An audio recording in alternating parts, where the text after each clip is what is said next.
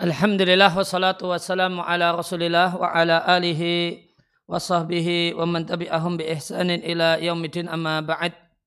Kaum muslimin dan muslimah rahimani wa rahimakumullah.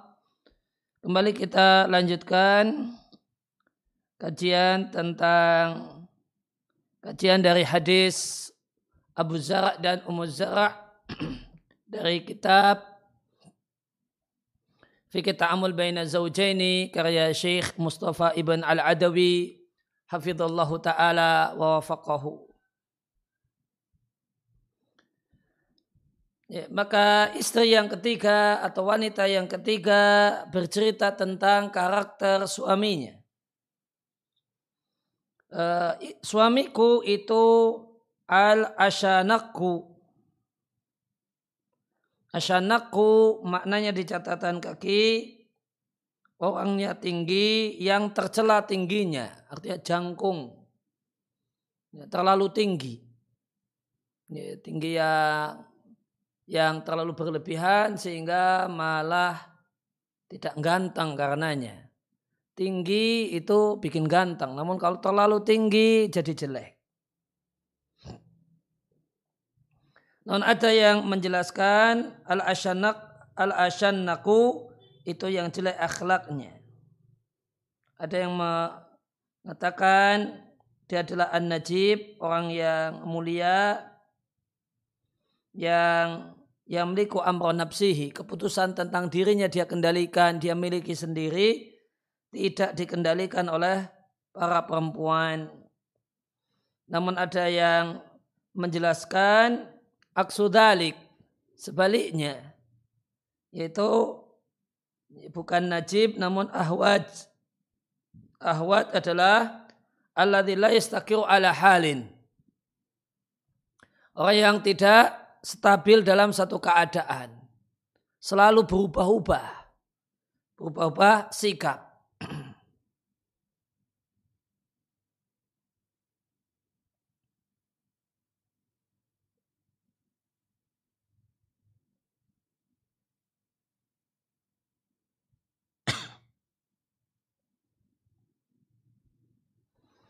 Ya, uh, selanjutnya masih kata wanita yang ketiga, jika aku berbicara aku akan dicerai. Namun jika aku diam, aku digantung.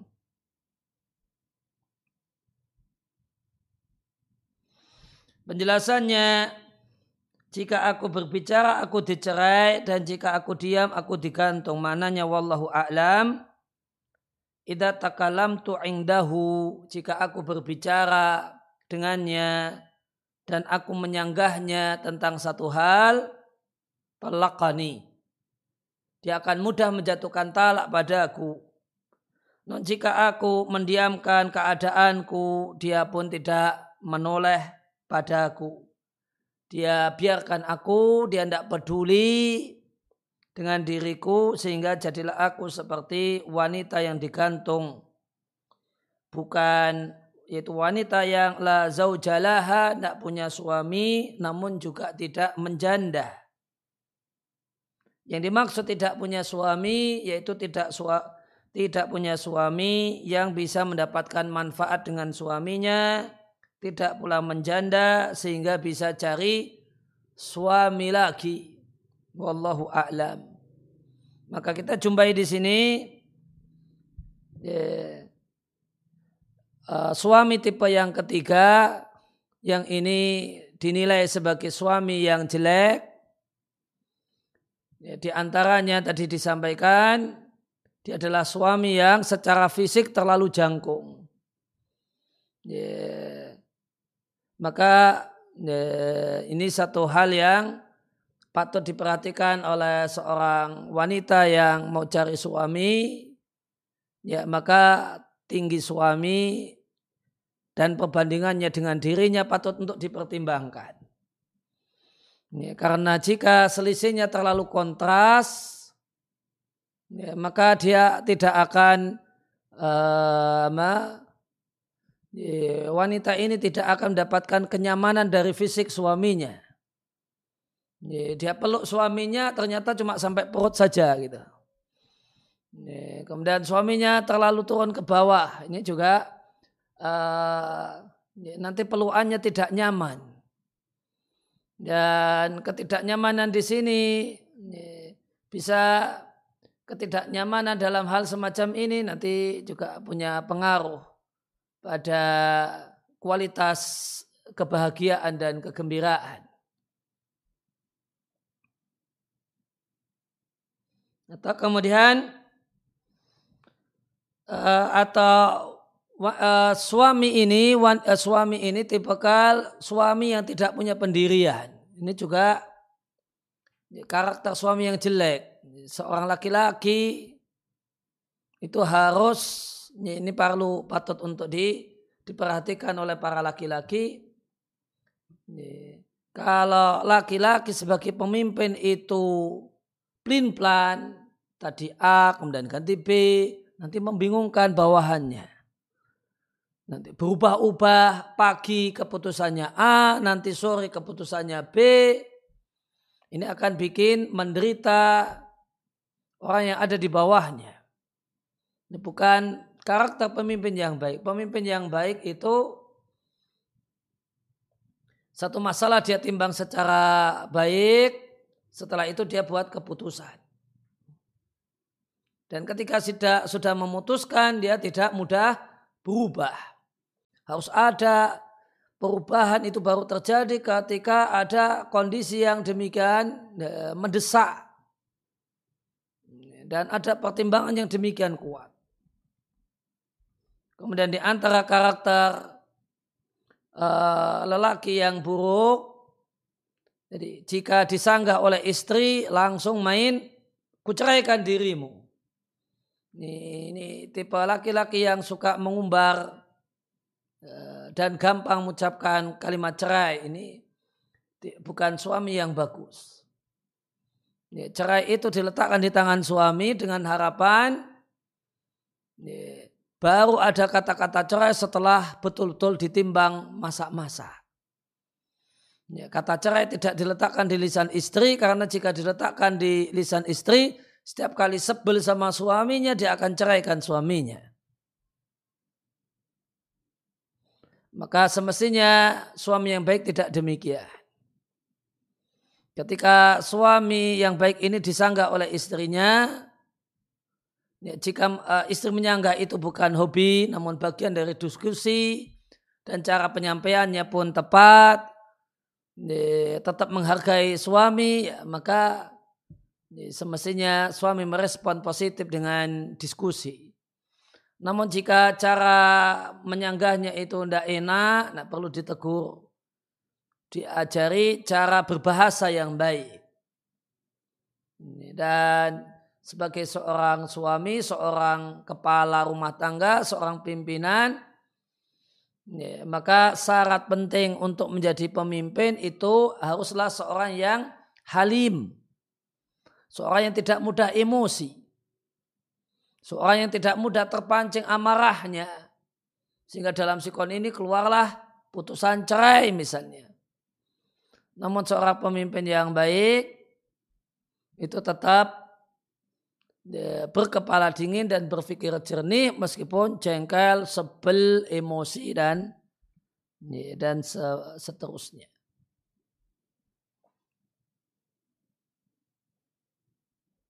Kemudian, namun jika istri itu cuma diam, tidak pernah komentar, maka tidak dipedulikan, maka tidak dianggap.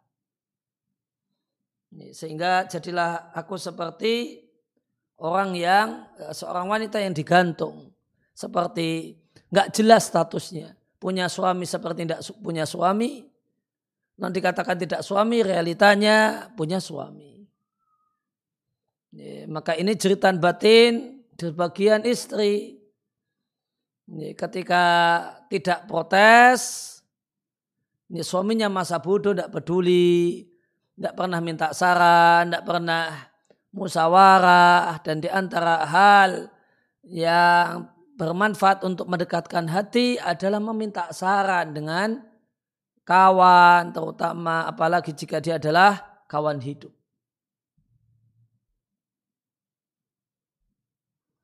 Kemudian wanita yang keempat, ya, nampaknya dia memuji suaminya. Dia katakan, suamiku itu seperti malam di negeri Tihamah. Laharun tidak panas, walakorun tidak dingin, wala makhafatun tidak ada rasa khawatir dan takut, wala samatun tidak ada kebosanan dan kejemuan. Ya maka suamiku itu seperti malam Tihamah. Tihamah, ya negeri Tihamah itu negeri yang telah dikenal. Dan malam di negeri Tihamah itu malam yang mu'tadil. Cuacanya proporsional. Ya, ya. wal jauh fiha cuaca di negeri Tihama itu tibun latifun. Cuacanya cuacanya yang ya, yang bagus, yang lembut. Maka istri ini mendeskripsikan suaminya kalau suaminya adalah seorang yang layinul janib. Seorang yang lembut, seorang yang tidak kaku, seorang yang tidak uh, terlalu formalitas, Seorang yang tidak sombong, tidak kemudian mengedepankan aku ada kepala rumah tangga. Namun dia adalah seorang yang di satu sisi jadi kepala rumah tangga dan suami, di satu sisi bisa jadi kawan bagi istrinya. Kawan ngobrol bagi istrinya, kawan diskusi istrinya. Ini, ini di antara karakter suami yang diharapkan oleh banyak istri. Ini layinul janib, orangnya tawadu, orangnya nyantai, ini, orangnya enak, ini, orangnya tidak kaku, tidak sombong. Namun enak dijak ngobrol, enak dijak guyon-guyon, ya bisa jadi kawan. Jadi suami yang baik itu kadang bisa berposisi sebagai kawan, kadang bisa berposisi sebagai seorang ayah di dalam tanda kutip, seorang ayah bagi uh, bagi istrinya dan seorang pemimpin dan teladan dalam hidup istri. Itu masa Allah itu suami yang uh, paket lengkap itu. Ini. Di satu sisi dia bisa jadi teman, bisa jadi kawan, di satu sisi dia uh, bisa jadi sosok ayah dalam hidup seorang istri yang ngayomi, yang meneduhkan dan satu sisi dia bisa jadi pemimpin, bisa jadi teladan, bisa jadi guru bagi ya, bagi istrinya. Maka siapa yang menjumpai punya suami yang punya karakter semacam ini, tolong betul-betul disayang. Ini, tolong betul-betul di servis karena eh, jarang-jarang terkumpul pada seorang suami seperti ini. Ya, bisa jadi kawan, bisa jadi sosok ayah, bisa jadi sosok pemimpin, bisa jadi sosok ya, guru ngaji. Hadi utabai. Dan suaminya ini seperti Tihama ini berarti karakternya karakter tenang. Tidak meledak-ledak. Namun karakternya tenang. Gitu. Ya, ya, karakternya stabil, tidak naik turun. Ya. Dia adalah seorang yang lembut. Makhofa dari kata-kata khof artinya khawatir sama dari kata-kata sama rajulu artinya malla, bosan dan capek. Artinya wanita yang ya, keempat ini bercerita bahasanya aku hidup bersama suamiku dalam keadaan aman, tenang, hatinya nyaman, tidak khawatir, tidak bosan, tidak bosan karena hidupnya bersamaku. Keadaanku di dekatnya seperti keadaan penduduk Tihama. Mereka menikmati kelezatan malam yang cuacanya proporsional dan eh, jauh cuaca negerinya yang lembut. Kemudian wanita yang kelima menceritakan tentang suaminya, suamiku itu jika masuk ke rumah fahida seperti fahad macan tutul. Wa idha kharaja namun ketika keluar rumah asida seperti singa. Wala yas'alu dia tidak pernah bertanya amma ahida tentang apa yang dia kenal.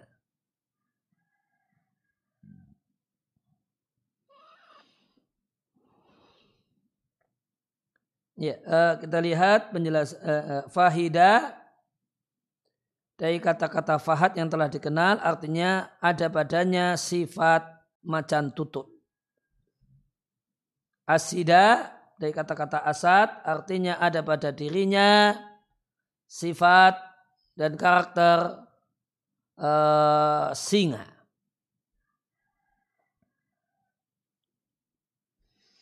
Maka deskripsi ini yang diberikan oleh wanita yang kelima tentang suaminya ada dua kemungkinan. Nah, demikianlah banyak wanita itu sukanya membuat banyak eh, ke, eh, kemungkinan. Ini maunya apa, itu apa. Tidak jelas. Boleh jadi A, boleh jadi B. Ya. Sehingga kalau ketemu wanita yang tipikal semacam ini, ya banyak laki-laki isinya cuma bingung. Serba salah. Ya, karena kalimatnya multi tafsir. Ditafsirin A, E ternyata B. Besok lagi ditafsiri B, E ternyata di sikon itu malah sebenarnya yang diinginkan A. Nah, maka boleh jadi pujian, boleh jadi celaan. Adapun pujian, ada beberapa bentuk salah satunya dia deskripsikan suaminya bahasanya suaminya itu seperti macan tutul karena banyak menerkam dirinya.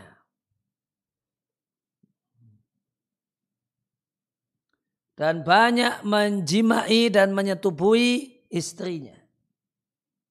Maka istrinya itu sesuatu yang sangat dicintai.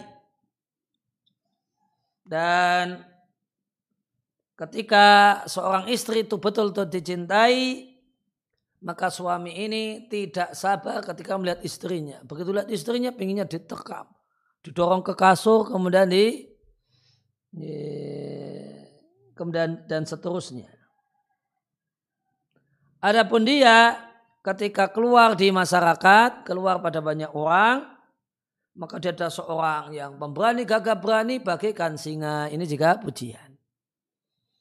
Ya, maka di sini kita jumpai di antara karakter uh, suami yang terpuji ketika di luar rumah itu berwibawa bagikan singa. Nah, dan di antara karakter terpuji ketika di dalam rumah dia betul-betul uh, menikmati istrinya, rajin menyetubui istrinya. Maka seorang istri yang normal akan menyukai lelaki semacam ini. Dan akan menderita ketika suaminya lama tidak menyentuhnya. Tidak akan ada yang nggak nyaman karena lama tidak mendapatkan nafkah batin. Itu normalnya wanita demikian. Maka wanita suka sering di uh, dikumpuli dan dengan itu dia bisa menangkap kalau dirinya adalah betul-betul di hati suaminya. Kemudian uh, si istri ini mengatakan suaminya tidak pernah bertanya tentang apa yang dia kenal. Artinya ketika datang pada kami berbagai hal, berupa makanan, minuman, pakaian, maka dia tidak pernah bertanya, ke mana barang ini pergi, ke mana barang itu pergi.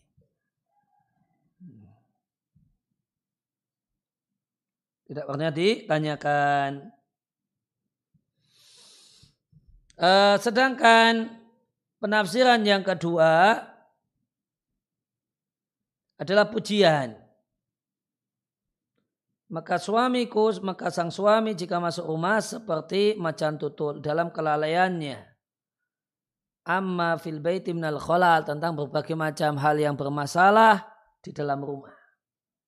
Dan dia tidak pernah menghukum istrinya karena kekurangan dan ketidaksempurnaan yang terjadi di rumah.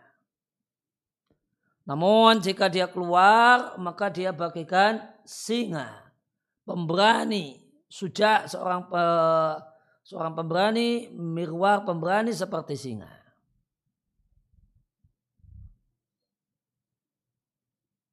Dan dia tidak bertanya, pernah bertanya tentang apa yang telah telah dia ketahui karena dia demikian longgarnya dalam pergaulan. Ya, dia longgar terhadap apa yang nampak dari istrinya mintaksir berupa kekurangan dan keteledoran. Keteledoran kekurangan istri dia, dia, dia tidak dia terlalu uh, pedulikan.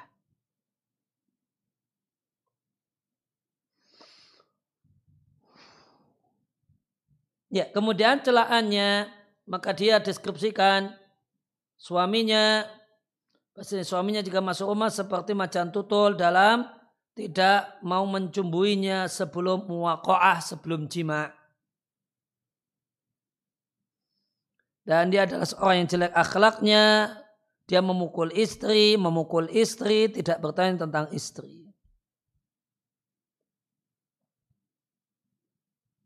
Dan jika dia keluar rumah ketika dan istrinya dalam kondisi sakit, kemudian dia kembali, dia tidak pernah menanyai kondisi istrinya dan keadaan istrinya dan keadaan anak-anaknya.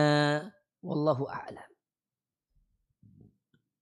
Maka di sini kita jumpai di antara karakter terpuji seorang laki-laki. Ini adalah ke rumah eh, ke rumah itu seperti singa dalam artian tidak banyak komentar negatif tentang keadaan rumah yang tidak dalam kondisi yang tidak baik. Namun dia lebih banyak memahami ya istri capek atau anak-anak karena sehat maka banyak beraktivitas sehingga ini dibalik, itu didorong, itu ditumpahkan, itu dikotori, itu disebar. Oh ini berarti sehat. Sehingga dia tidak pernah mempermasalahkan e, kondisi rumah.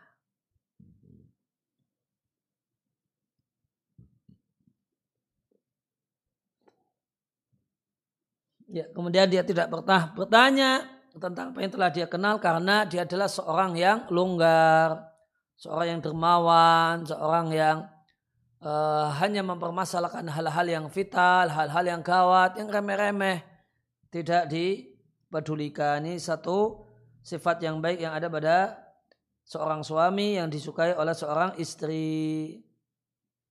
Kemudian ada karakter jelek suami yaitu kalau mau uh, hubungan badan itu langsung to the point, tidak ada canda-canda, tidak ada jumbu-jumbu, tidak ada raba-raba, namun langsung main terkam saja.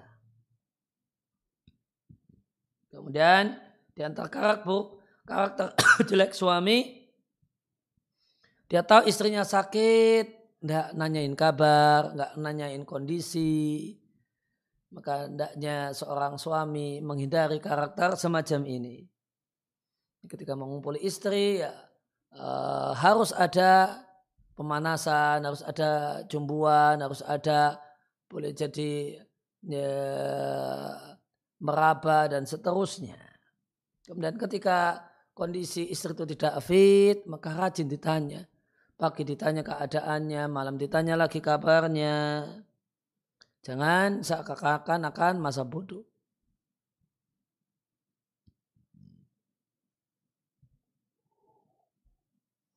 Ya, demikian yang dikaji dalam kesempatan kali ini Wassalamualaikum warahmatullahi ala Muhammadin wa